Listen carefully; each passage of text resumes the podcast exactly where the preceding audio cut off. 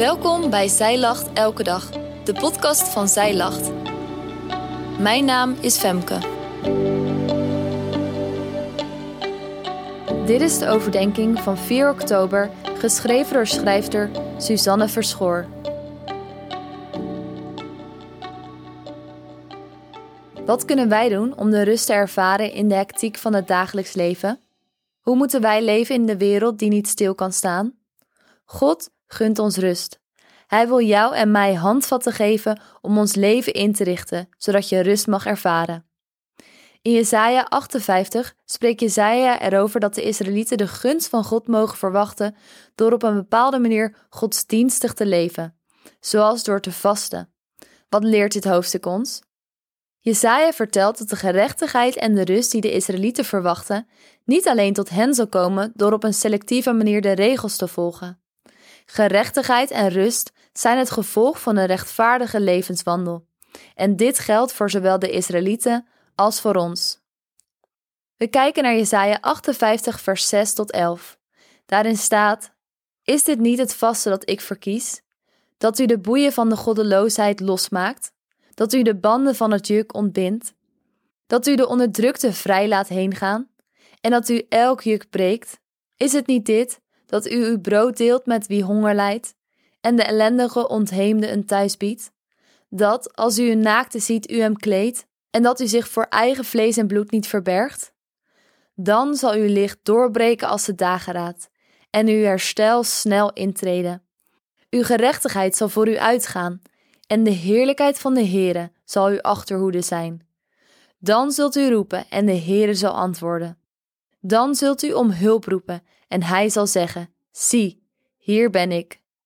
Als u het juk uit uw midden wegdoet, het uitsteken van de vinger en het uitspreken van ongerechtigheid, als u uw hart opent voor de hongerige en de verdrukte ziel verzadigt, dan zal uw licht in het duister opgaan en uw donkerheid als de middag zijn.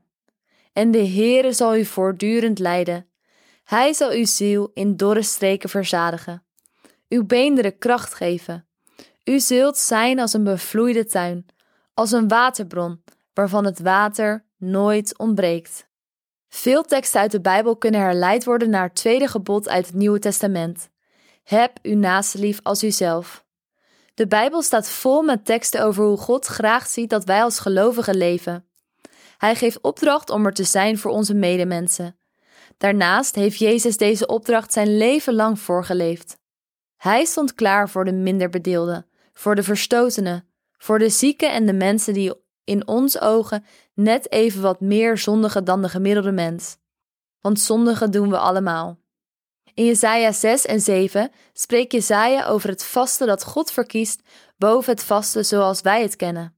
Hij wil dat we anderen helpen door hen te bevrijden van hun zware lasten, van onderdrukking. Hij wil dat we de hongerigen te eten geven. Dat we de wezen een thuis bieden en dat we naakte mensen, of het nu fysiek of geestelijk is, weer kleden. Hij wil dat we ons niet voor ons eigen vlees en bloed verbergen, oftewel, wees zichtbaar voor je naaste. Vanaf vers 8 spreekt Jezaja van een belofte. Als gevolg van deze rechtvaardige, liefhebbende levenswandel zul je herstellen. Het licht zal doorbreken in je donkerte. Je donkerheid zal verdwijnen.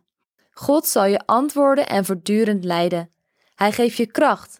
En je zult bloeien als een bevloeide tuin, waarvan het water nooit ontbreekt. Je zult vol leven zijn, vol rust. Ook al voelt het soms alsof je zelf degene bent die hulp nodig heeft, stap uit. Zet een kleine stap richting je naaste. Kies bewust als het gaat om hoe je met anderen omgaat. Kies bewust als het gaat om de spullen die je koopt. Kies bewust als het gaat om het eten dat je eet. Kies er elke dag bewust voor om zichtbaar te zijn voor je naaste. Gerechtigheid en rust zullen je volgen. Dat is een belofte.